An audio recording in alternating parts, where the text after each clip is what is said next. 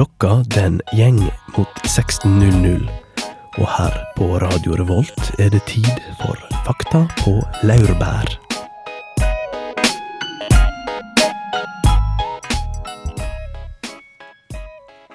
Ja, klokka er 16, og det er tid for Fakta på laurbær. Med meg i studio har jeg Astrid og Solveig. Hallo, jenter. Hei, hei. Jeg er eh, Ragnhild Skaugen, og i dag på Fakta på Lærbær skal vi prate om kroppen vår.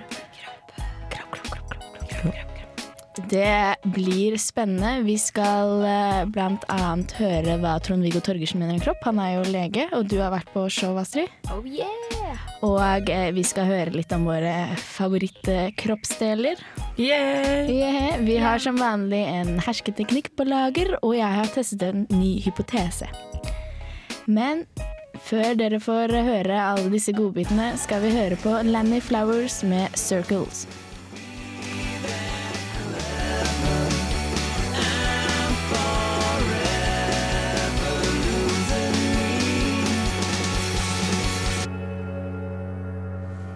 Hvem er det som liker valentinsdagen? Ikke jeg! Ikke jeg heller! Var bra det var i går! Yeah. Så bra. Nå skal vi prate mer om kropp. Og eh, da skal vi gå litt inn på hva er det egentlig kroppen er. Fordi man tror kanskje at kroppen er eh, hele deg selv, alt som ikke er sjel. Men kroppen er den sentrale delen av legemet.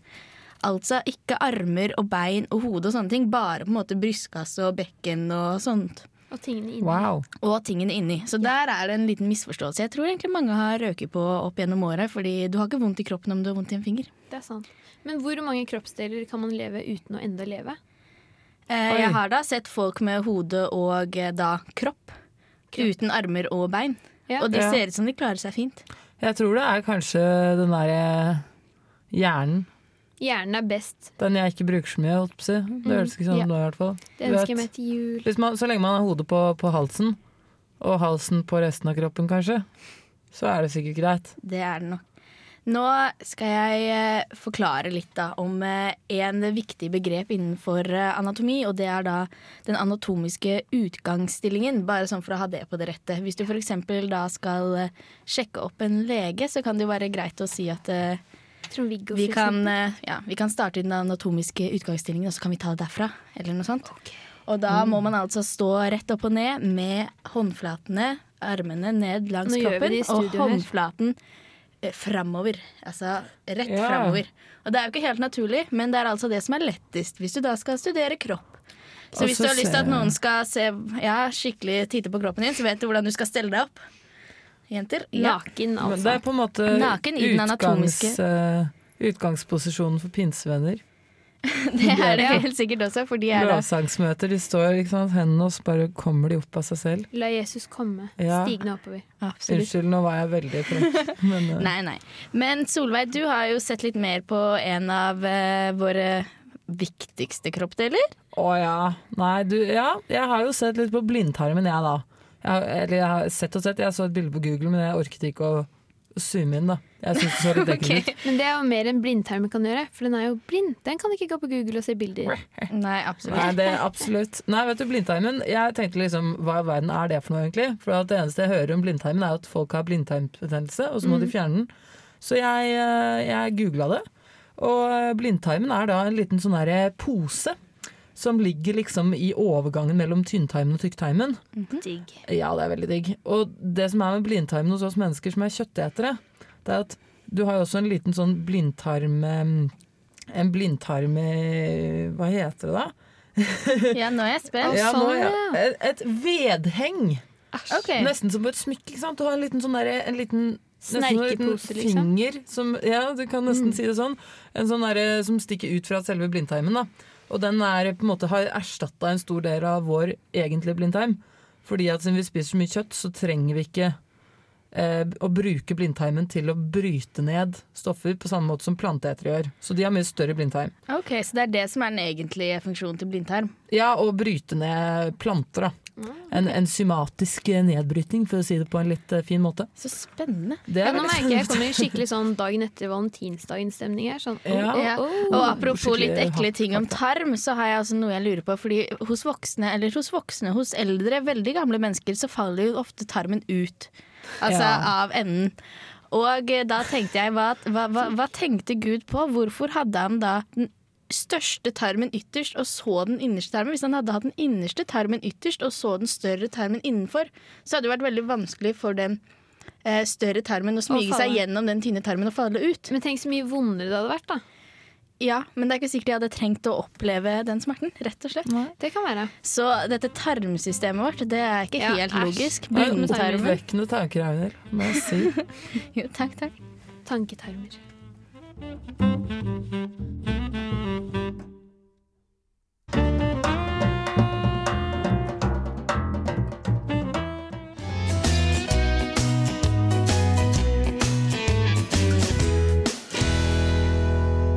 Fakta på laurbær. Kristoffer Schou har leda flere prosjekt- og TV-programmer hvor han har testa kroppens grenser ved å utsette den for relativt ukomfortable situasjoner, til enkelte skrekk, men til manges fryd. Blant annet hadde han i 2001 et lite forskningseksperiment som han kalte Forfall. Som gikk ut på at han var til display i et utstillingsvindu langs Karl Johan, mens han skulle la seg forfalle fysisk og mentalt. Det her utførte han ved å stort sett ligge i vannrett stilling og betrakte mentalt ustimulerende TV-program, mens han inntok mat av svært ugunstig næringsverdi, noe à la Supersize Me. Prosjektet fikk stor oppmerksomhet da forfallet etter kun en uke, hvor eh, styrting av én liter kremfløyte, frokosttur bestående av 13 speilegg og fordøyning av bl.a. sin egen føflekk, resulterte i en svært nedbrutt og totalt fysisk utslitt Kristoffer Schau. I tillegg så har Schau gjennom programmet De syv dødssynder, som bl.a. vant Gullruten, visuelt tatt oss med på en reise gjennom synder som misunnelighet, forfengelighet gjennom kloning av egen penis, plastisk operasjon av kjevepartiet, fråtseri gjennom et etegilde av rå pølse, utukt gjennom å titulere som prostituert, og til slutt vrede ved å la seg omskjære i Israel, for deretter å fordøye egen forhud.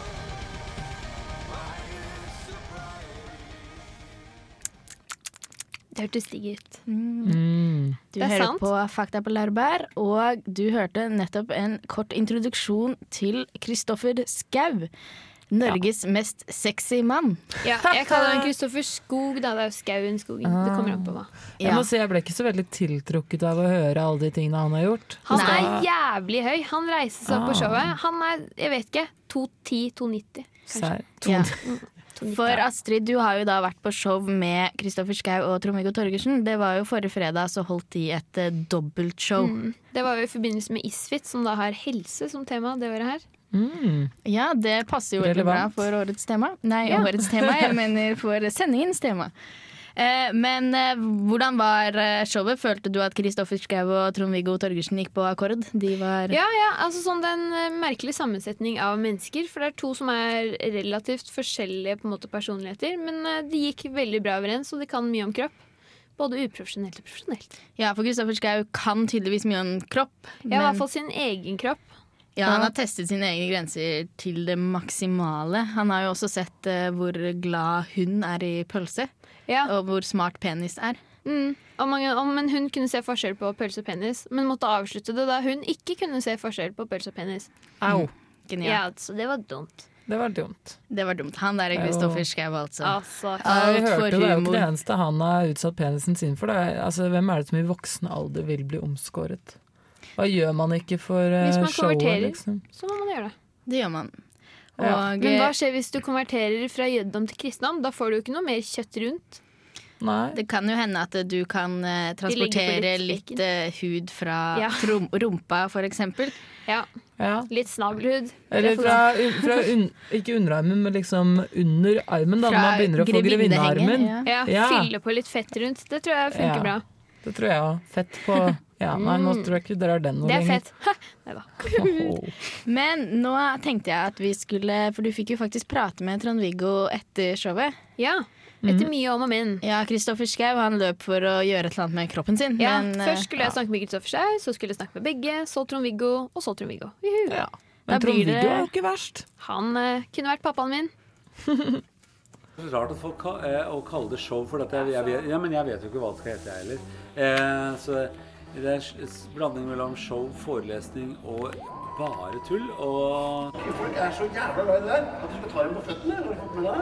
Og gjør det, de liker vet du. Eller kommer sånne føtter innunder Altså, er, Og det er kalde føtter veldig ofte. Det er kalde. Det er noe gærent med føttene, for det er enten kalde eller varme, eller er det vondt i de. Det er noe, sånn- det er noe galt her. kommer det en sykdom hvis du skal ha dere ikke føttene, i hvert fall. Hva er ditt forhold til kropp, både Ja. som lege og menneske? Ja, det, eh, jeg tror jeg ville hatt et annet forhold til kropp eh, hvis jeg ikke hadde vært lege. For at eh, når man får en sånn utdannelse, så lærer man så mye om enkeltdeler at man både setter sammen det på litt mikroskopisk nivå og litt mikronivå og litt makronivå. Sånn at det er akkurat som jeg har et sånn 3D gjennomsiktig forhold til en kropp. At jeg, ikke at jeg ser hvordan du er inne, men jeg ser hvordan ting ligger inni deg samtidig som jeg ser deg. Og hvis jeg blir spurt om noen ting, så, så, så fokuserer jeg nok på hvor det er på kroppen. Så det er en slags automatisme som man lærer seg når man, eh, når man har vært lege en stund. Da. Ja. Jeg er noe forbauset over at håret i ørene vokser mer enn jeg trodde. Nå er det sånn at jeg må klippe vekk hår i ørene. Ja. Men ikke bare på filmen. inni, inni det. Jeg har lange hår ut ørene. All, all denne stussingen syns jeg er eh, Det er noe nytt. Hei, jeg lurer på eh, hvorfor det er sånn at uh, tankesettet endres totalt, og alle prioriteringer snus helt på hodet akkurat rett etter man har ejakulert. Um, føler du at, uh, at dagens ungdom er mer opplyste uh, enn foreldrene sine på akkurat det? Ja, Det vet jeg ikke. Når det gjelder tekniske ting, så har de naturlig nok hørt mer og, og blitt mer opplyst. Men jeg vet ikke om, om, om denne generasjonen som er nå, noe, har noe bedre seksualliv enn de som var to generasjoner eh, før oss. Det kommer litt an på personligheten og muligheten og, og igjen hva de tør å by på seg sjøl.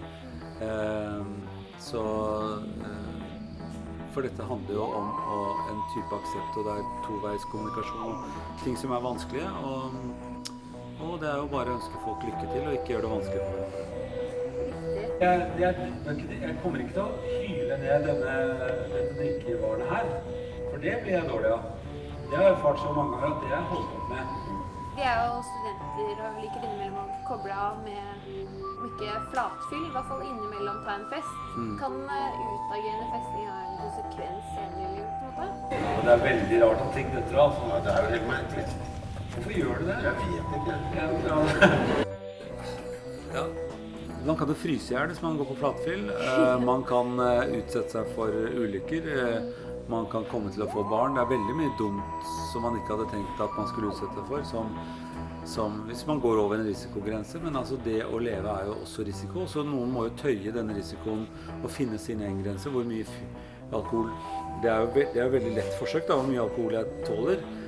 Eh, det må nok til. Og eh, og det er ikke alltid godt, eh, men jeg ville ikke påført meg selv altfor mye mer enn det jeg har gjort sjøl. Selv, selvfølgelig. For det er meg. Siden når den først er der, hvordan å ha det moro med det, tenker jeg. Det kommer til å bli mye mer klasseskiller innen helse. Altså at det kommer til å være noen som er veldig dyre å holde, holdt jeg på å si, i den forstand at de må repareres stadig Ja. og har råd til det. Og så er det noen som eh, kommer til å være friskaktige. Eh, og, og at det blir veldig sånn klasseforskjell på, på de to måtene å være på. Ja, for det har jo sunket ned. syke eller fedme og på en måte Ja, det er ikke noe høystatus i det. ned til bunn. Det er, det er pussig, altså. Alt ikke så gøy først. Ja, det gjør det. Jeg tenker at dette kan holde på å bli dagsvis. Det er jo det Gudene skal vite at det ikke stemmer. He's a superstar, yeah.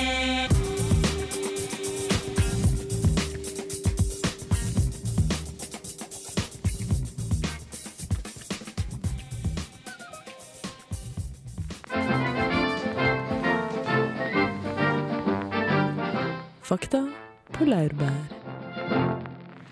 Nå har vi fått med oss Ann-Kristin her i studio. Hallo! Hei, hei, Ann-Kristin. Ann-Kristin har eh, vært eh, på et Botox-studio i løpet av uka. Mm, jeg har vært på en klinikk her i Trondheim. Det er faktisk tre Botox-klinikker i Trondheim. Visste du det? Oi, det er så stort marked. Ja, Og det er vel Øvre Singsaker som for eh, mesteparten bruker det. ja eh, blant annet. Men det er jo unge folk som gjør det òg, da. Eh, Ja. Da jeg var der, så var det en mann på 35 som tok Botox for første gang Tok han det i skrukken? i skrukken. For å skrukke ut Da kan du ikke kalle det skrukken lenger. Nei, uskrukkeren. Da kan du kalle det det glatte området mellom penis og rumpe. Ja, g altså glatten. Men over til det vi egentlig skulle prate om. Eh, Ja, Botox, Botox. er jo gift. Det er gift, fordi jeg har funnet litt informasjon om det. Det er, kommer fra botulinumtoksin, og det er nervegiftig, et nervegiftig protein som blir produsert av bakterien clostridium botulinum. Faktisk. Oi, Dette er vi på latin, for jeg Her var er det mye fakta på gang. Ja, jeg er Botox-eksperten i Fakta på laurbær. Fordi jeg var på klinikken og Men hva gjorde du på klinikken? Tok du Botox? Jeg må bare spørre. Nei, faktisk ikke. Men jeg var, bare var der med noen som tok Botox. Og så Ja. spurte jeg hun der dama som t- ga folk Botox, da, eh, om jeg trengte noe Botox eller noe sånt. Da, om jeg hadde noen rynker. Og Var det ledende spørsmål? Hæ? Var det ledende spørsmål? Ledende spørsmål. Sånn, trenger du kanskje? Stram, jeg klarer og ikke å du, smile. du spurte henne om du trengte Botox. Ja, jeg, jeg lurte på om hun mente at jeg trengte Botox, og så Mhm. begynte hun å se på meg da bare For hun gjør jo det her hver dag, og leter etter rynker i ansiktene til folk. Mm. Eh, og så sa hun at ja, du har jo noen eh, begynnende bekymringsrynker. Så litt eh, Botox hadde jo Bitch kanskje hjelpa deg. Men det er jo eh, Um, Du skal jo kunne se furen av erfaring i et ansikt, syns jeg. ja, da. det syns jeg òg. Men ja, faktisk, eh, toksinet Botox er et av verdens giftigste stoffer som blir produsert naturlig i verden, og det sprøyter folk inn i seg. Ja. det Så er, det er ganske helt drøyt. vilt. Jeg ser liksom for meg at de som tar Botox, det er gjerne disse her overklassefruene som eh, rakker veldig ned på narkomane, og så tenker jeg ha-ha. Du, går kanskje på heroin, men eh, ja, altså du tar er Botox. Du For det er avhengighetsskapende, er det det? Ja, det er det. Og det varer i tre til fem måneder når du først tar Botox. Og da er det jo kanskje greit å ta det på nytt igjen, da. Ikke for å reklamere for Botox, men husk ansiktet blir jo veldig dradd når du først strammer det inn med Botox. Ja. Og så går det ut etter tre, kom- tre til fem måneder. Så er det helt rad. dradd. Ja, det er litt sånn når du tar sånn fett uh, ja, suging, holdt jeg på å si, så blir jo magen litt slapp etterpå. Er det det samme da i ansiktet? For Ja, du sprøyter jo inn inn samme. Det er mer ting. fettblåsning, liksom. Bare. Jeg syns det virker som det virker mot sin hensikt, da. Botox. Hvis du uansett blir mer dradd i ansiktet etterpå enn du var fra før. Mm. Sånn som hvis du sprøyter inn for å bli kvitt smilerynkene, som jeg syns er veldig fine, og så er det sånn Så etterpå ser det ut som du ikke har smilt på ti år. Så kjipt. Det er veldig kjipt. Ja. Eh, forresten, jeg fant en liten sånn artikkel på Dagbladet sin side. Aha. Det er ei dame som har tatt Botox, eller Restylane, da. Det er en slags Botox-variant, i Mhm. leppa. Eh, og så ble leppa veldig sår, da. Så her kan dere se. Eh, Lyttere ser jo ikke det her, da, men Nei, det er hun, ei leppe som har sklidd litt ut. Ja, her ser det på en måte ut som hun har mista den Altså det fettdelen av leppa, den du har lyst til å kysse, den ligger liksom litt lenger ned på haka, den nå. For den Ja. har bare sklidd nedover. Det ser Ja. ut som man liksom har sånn hengegeip. Ja, stakkars Kristine 22, som må droppe ferien av det her. 22? 22 år, like gammel som oss. Eller jeg er jo litt eldre, men dere er vel på 22-stadiet. Ja. Hva er- slags jenter er dette, lurer Ja. jeg på da. Det er vel meg, da, siden det er Kristine 22. Bare Ja. skifta navn. Jeg må jo bare si at Ok. vi har jo allerede nevnt at du kan jo eh, ikke smile, du, for du har jo klarer ikke å snakke heller. Det er Vi har jo allerede nevnt at det var Valentine's Day i går, da. Og da tenker jeg at det sikkert var veldig mange jenter som brukte sånn her Plumbing eh, lipgloss. Uh, og det er sånn du blir veldig sånn Jeg har prøvd det selv, og det prikker veldig leppene, nesten som Botox. Bare skal liksom være fake Botox, sånn at du slipper å ta ja. Botox, men du får store lepper. Og så må jeg bare si at det har faktisk blitt man blir eh, frarådet å bruke det på date fordi at eh, du fø mister følelsen. Så hvis du skal kysse daten din, så er jo ikke det en god idé. Så hvis det var noen som hadde noen dårlige kysseerfaringer i går, så burde du tenke over om du kanskje brukte den lipglossen, og ikke gjør det igjen. Gave til kjæresten. Ser ut som blåsefiske.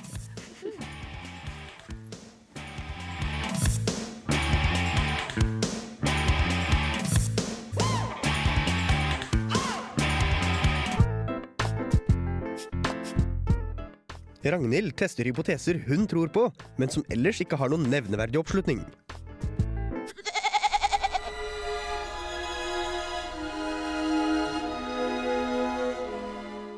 Denne uka er mye snudd på hodet. Jeg skal presentere en hypotese som har betydelig oppslutning. Det her, eh, ideen jo, kan jo være genial hvis den videreutvikles nå, og da burde man jo ha forta seg å søke patent på den først.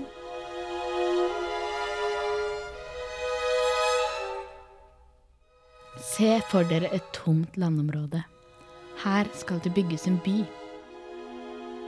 Det skal ikke være hvilken som helst by. Det skal være verdens mest miljøvennlige by. Hypotesen er at byen vil se slik ut.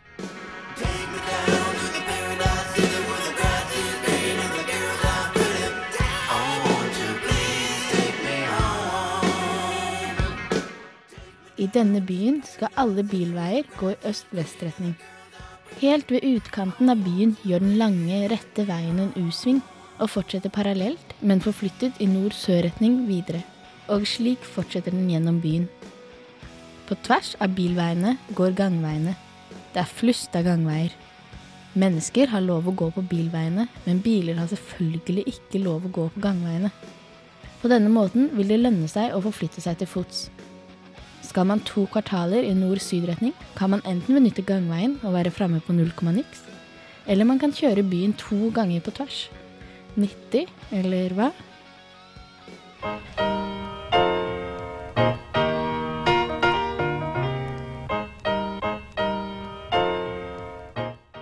Trond Bakke. Maria Christensen. Jeg er på byplanleggingskontoret i Trondheim og lurer på hva de syns om mitt utkast til by.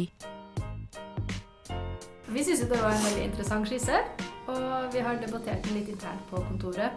Det har kommet inn ganske mange innspill på den.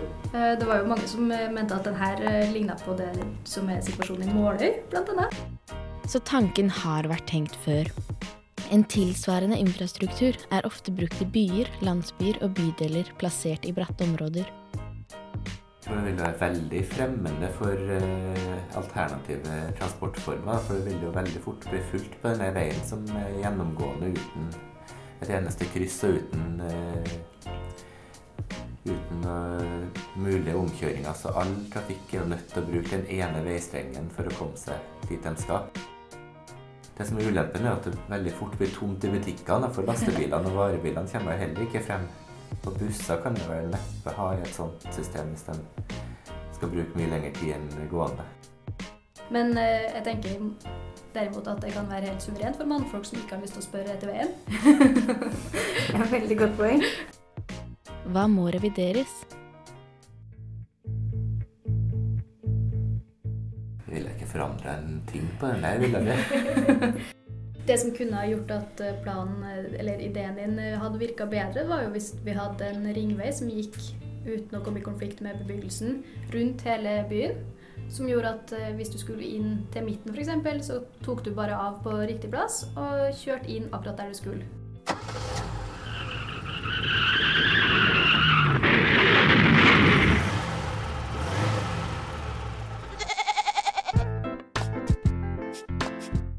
Følg med i neste episode av Ragnhild tester hypoteser hun tror på, men som ellers ikke har noen nevneverdig oppslutning.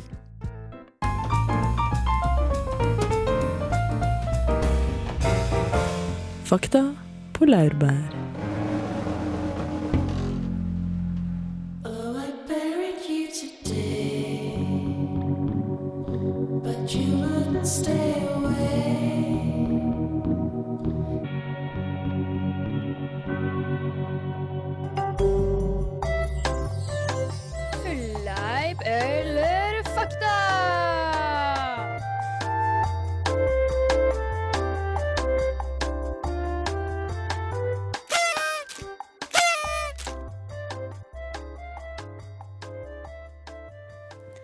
Velkommen til en helt ny spalte her i Flak Fakta på laurbær. Eh, Astrid, du har med deg noen påstander, og jeg og Solveig skal da prøve å avgjøre om disse er fleip eller fakta. Har jeg forstått deg rett? Ja, det er riktig. Jeg kan være med å gjette, men jeg vet svaret, så jeg kommer til å være litt bias på den. Oho.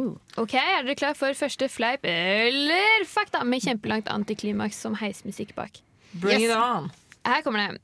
Statistisk sett så skader over 40 000 amerikanere seg på toaletter årlig. Altså 40 000 40 000, hva er det? Amerikanere, ja. Amerikanere, Skader seg på toaletter årlig. ja. Hvor mange skarpe kanter er det på toaletter da, spør jeg. Og hvordan skader de seg? Opp ned. Jeg skal bare hente den med tenna, liksom. Ja. Eller Det kan jo hende at de, eh, mis, altså de feilberegner avstand mellom rumpe og do, og derfor bare ploff, og så bare smeller det nedpå, og så ja, får de litt så sånn lager de tsunami i dass. ja, Eller så kanskje du mister dolokket på penis. ja, det Hvis kan de er gutter òg. oh, Eller kanskje det er, ikke sant, Noen doer så har du den der hyllen som jeg ikke skjønner hva er til, hvor du kanskje står og lener deg, og så kanskje er du så full at du bikker forover. Eller så har man sånn eh, Åh, nå skal vi ha sex på do. Altså, Det er sikkert mange som gjør det. nedi. Absolutt. Så nå, Ja. la oss bare gå bak til fakta. Da. Det skulle være 40 000 amerikanere årlig. Ja. Jeg syns nesten det er litt lite. jeg. Ja, for det er mange amerikanere i Ja, det, USA. er, det er fryktelig mange. Så 40, ja, men da tenker jeg det er helt reelt. Men faktisk, Ja, men 40 000 det. er Ja. ganske mange. Ja, men altså, la oss si at hvor mange millioner mennesker bor det i eh, Amerika, da? Nå er jeg fryktelig dårlig på antall og avstand og sånn. Ja, Men likevel 40 000 som skader seg på do? Men telles det da at eh, du på en måte har eh, blod i Ah, bæsj, og dermed liksom tar det som en doskade, selv om det egentlig er innsiden Det er som det. Det sto uh, toilet, som ikke er bathroom. Altså, de, de har ikke drukna i eh, badekaret, liksom. Det er ikke badekar, nei. Nei, det er ikke badekar. Men jeg leste om en som faktisk eh, akkurat til han skulle sette seg, så hadde han litt dårlig tid, og putter da penis mellom den ringen som vi Ja. setter oss på, Mm. og bare setter seg av all makt. Å, fy Og det er en skade. Det, Det er det må jeg Det død, tror jeg. Men også hvis du, hvis du tar feil av varmt vann og kaldt vann, og så får du forbrenningsskade når du vasker hendene. Eller hvis du har diaré og blir dehydrert og dermed dør av dehydrasjon, er det Mm. også en dorelatert skade? Eller at kjæresten din skal være morsom, og så henter han litt dassvann. Og så, så sier du 'ja, da skal det være godt med vann', og så bare whoops. Det er opp fra do. Ja. Eller hvis du, hvis du ikke er flink nok til å Hvis du ikke legger papir på ringene eller noe, så får du bakterier som gjør at du blir sjuk. Helt sant. Men nå har vi jo kanskje dekket de fleste skadene. Ja, jeg tror det. skal vi si at vi tror at dette er fakta, Solveig? Det var mye vi kunne komme på som kunne vært ordrelatert. Ja, jeg, jeg tror det er fakta. Fakta. Ja, det er fakta. Daram-ta-tam-tam. Ta en til, da. Vi tar en til. Eh, her er det en litt spennende. Et grusomt vindkast blåste en 45 år gammel spanjol sin bil rett i en elv nær Napoli i 1980. Han klarte å overleve ved å knuse et rut en rute, klatre ut og svømme til land, hvor et tre blåste han over ende og drepte han. Ok, så nå Treet falt over han så han døde. Ja, han oh, ja. det. Så her var det altså En veldig uheldig mann er på en måte stikkordet i denne påstanden. Sikkert den samme som fikk eh, mellom do, må være. Ja, Ja. Da må det ha vært en storm, for hvis det var ett vindkast som førte til at bilen hans havnet i elven, så må det ha vært ett nytt vindkast som blåste det treet over ende. Kanskje et morkentre. Ja. Ja. Og så, dette her var jo da 1980, og da Ja. hadde de jo ikke sånne fine, eh, fine metaller eh, så mye utbredt, da, sånn som bor og aluminium og sånn, som de lagde biler av. da. Karbonbilen, for eksempel. Ja, de så litt at bilen plast. var jo litt tyngre enn det den er nå for tiden, så det skulle jo vært et himla svært vindkast som kunne blåse over en 1980-tallsbil. Ja. Vet du, Det tror jeg faktisk ikke på. Nei, vet du Det hva, du sier, tror jeg på, men jeg tror ikke på det. jeg er litt enig. Det blir, det blir litt for drøyt. Det er på en måte Og hvis det da skulle ha vært sant, da, så syns jeg egentlig bare synd på han. Jeg syns ikke det er noe å le av engang. Stakkars fyr. Det blir litt Men du som at man går ute i stormen når det lyner med gummistøvel på, og så overlever man et lynnedslag, så kommer man hjem, og så får man støt i stikkontakten. ja, den er kjip. Ja. Åh, da hadde jeg jo tenkt sånn Nei, da kunne jeg heller bare dødd av det første. Så kjipt å ha. Det var stikkontakt. Ja, for det er kulere å dø av Line. Oi, det, var, det er ikke kult at Det er oppfordring. Nei, nå, ut. Ragnhild! Ja. Men nå er jeg kjempespent på om det var fleip eller fakta. Jeg vil si fleip, og Solveig sier også eller. Jeg sier fleip. Og da spør vi deg. Ja, De sier jo ikke noe om om det var en ordentlig bil, orabil eller hva som helst, men jeg tar en råsjanse på at det var ordentlig bil. Eh, svaret er det var fleip, for mannen var italiener og ikke spanjol. Oh, altså har det skjedd. Gud bare en bampush, sier jeg da. Ja, der Nei. ser man.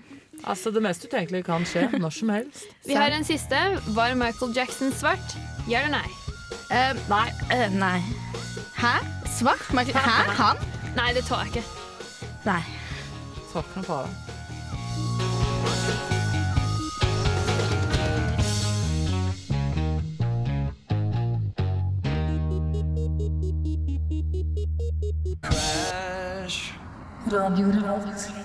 De er uberørt av verdens harde virkelighet.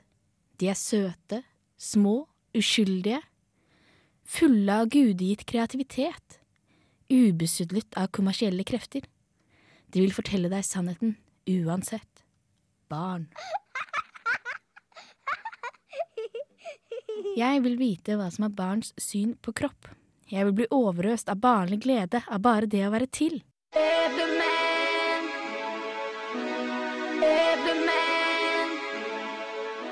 Hvis hodet vårt på rumpa, så hadde vi kunnet se bakover hele tida. Ja, men da hadde vi ikke kunnet se forover. Jeg tenkte vi skulle, jeg skulle spørre dere litt om kroppen deres. Og det jeg først lurer på, er hvis dere kunne hatt ett øye til, altså tre øyne, hvor skulle det siste øyet vært? Jeg vil ha øye på, på håret. Jeg vil ha øye på panna. Ja, men da ser den jo akkurat samme sted som de andre øynene. Men, men, men, men på håret på Øyet på håret, da kan vi se opp i lufta.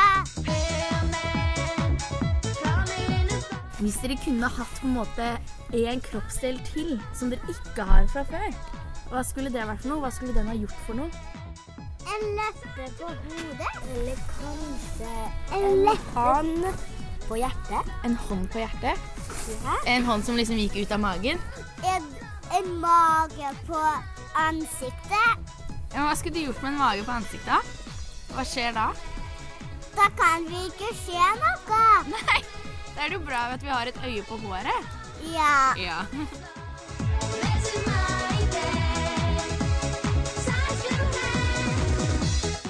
Hjerne.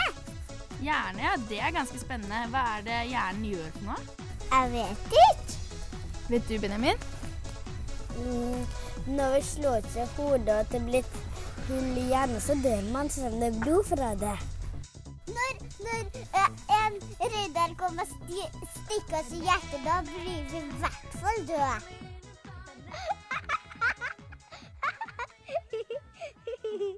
Ah, Ja, de barna, de barna. Ja, det skulle ikke vært lov, altså. Å være så liten og dum. Ja.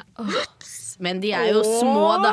Jeg ble Ja. skikkelig sjarmert. De var så Det er ikke alle barn det går bra med, det hører vi jo her. Nei da. Nei, vet du hva? Disse barna her De var fra Gartneriet barnehage her i Trondheim, og de var fryktelig søte og Ah, ja. Er sikkert snille og oppegående.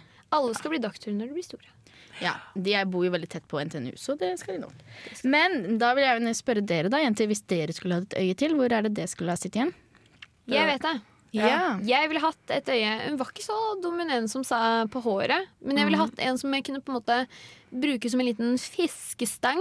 Som kunne Ja. sprette opp av hjernebarken.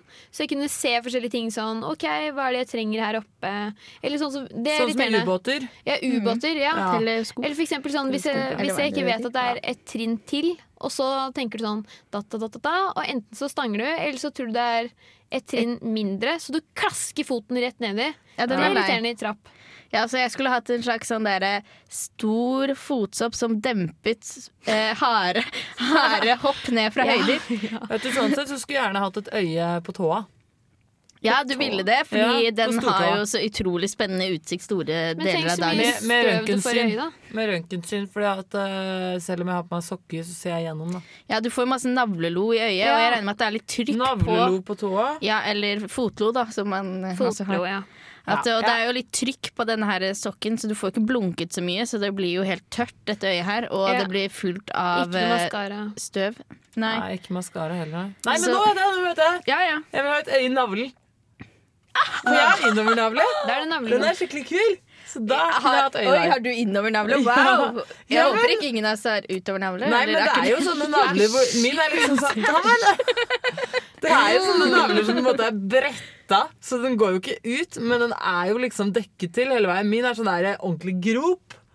Ja. Altså navlevorte, liksom. N- Nei. Mm. Så Nei, ser det men ut. OK, jeg skal legge ut et bilde på nettsida eller noe. Ja, ja, gjør det. Skal vise deg etterpå. Å, nå kledde meg. Du fikk jo dekket også litt hvilke, om du ville ha en kroppsdel til, da, for du ville jo ha den her eh, stangen opp fra hodet. Ja, Men eh, Solveig, er det den kroppsdel du savner? Ehm, eh, sånn i dagliglivet, tenker du? Ja. Nei, vet du, jeg er så klumsete, så kanskje jeg skulle hatt en eh, en sånn der gadget, akkurat som Inspector Gadget. En ekstra arm eller noe. Teleskoparm. Jeg vet ikke. Ja, det hadde vært Som bare ikke trengte å syntes. Ja, være sånn som. Benjamin sa, en hånd fra hjertet. Å, det var jo litt søtt, da. Ja, det var Kanskje han tenkte på å ha en hånd. Benjamin. Han tenker på valentinsdagen, altså. Mm. Nå skal dere få høre Kari Harneshaug her i Fakta på Lærbær med låta 'Don't Walk Upon My Ground'.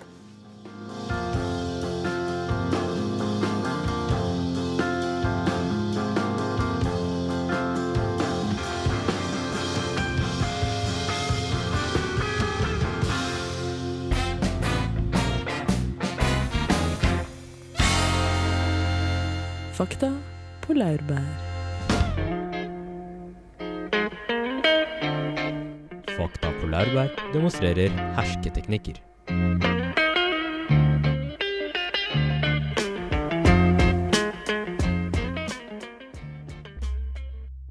Infantilisering, eller barnsliggjøring, foregår når en person briljerer med sin kunnskap. Særlig ved å bruke fremmedord til å komplisere en setning. Skjønner du hva jeg mener? Ja, skjønner dere hva Solveig mener? Eh, infantilisering det var jo et eh, fremmedord som eh, du hadde ikke trengt å bruke. egentlig. Du kunne gjøre, bruke barnsliggjøring. Jeg brukte jo begge deler, Å, så egentlig så hadde jeg litt smør på flesk her. Men eh, Virkelig. jo da. Dere, jeg skjønte greia. Du kunne sånn også sagt babyspråk. babyspråk. Nei, nei, for det blir sånn Nei, Å, det neimen du. ujevnt. Men altså, jeg må bare si Kanskje det motsatte av infantilisering, men jeg føler at man hevder seg selv gjennom å bruke fremmedord. Det blir jo litt samme. Ja. Mine pensumbokforfattere, de gjør det. Ja. Ja. Eller hvis man da overforklarer og dermed stiller deg i en situasjon der hvor du er smart og dermed må forklare betydningen av noe til den du diskuterer med. Og jeg hater det. jeg, ha, jeg hater når det skjer! kan ikke folk bare lese seg opp og være på mitt nivå? Altså Det hadde vært så mye greier hvis bare alle var smarte. Ja. Absolutt. Jeg fikk faktisk høre fra en kompis her om dagen at ja, men Solveig, noen ganger så sier du, så prøver du å forklare meg ting som er helt åpenbart, og så virker det som om du ikke tror at jeg vet det. Og det syns jeg er litt teit. Og det visste jo ikke jeg at jeg gjorde. Nei, Men der brukte du helt ubevisst en hersketeknikk. Så man skal passe seg for det. Og med det så tror jeg vi går mot den eh, bitre enden her i eh, Fakta på Lærbær. Det er nemlig slutt. Ja. Finito. Mm. Er det slutt? Det er det. Med meg i studio i dag så har jeg hatt Astrid og Solveig. Hallo. Eller ha det, da. Ja, og jeg er Ragnhild Skaugen, og tekniker i dag har vært Arne By. Etter oss så kommer på tirsdag, så stay tuned her på Radio Revolt. Her får dere James Blake med To Care. to go. They don't know.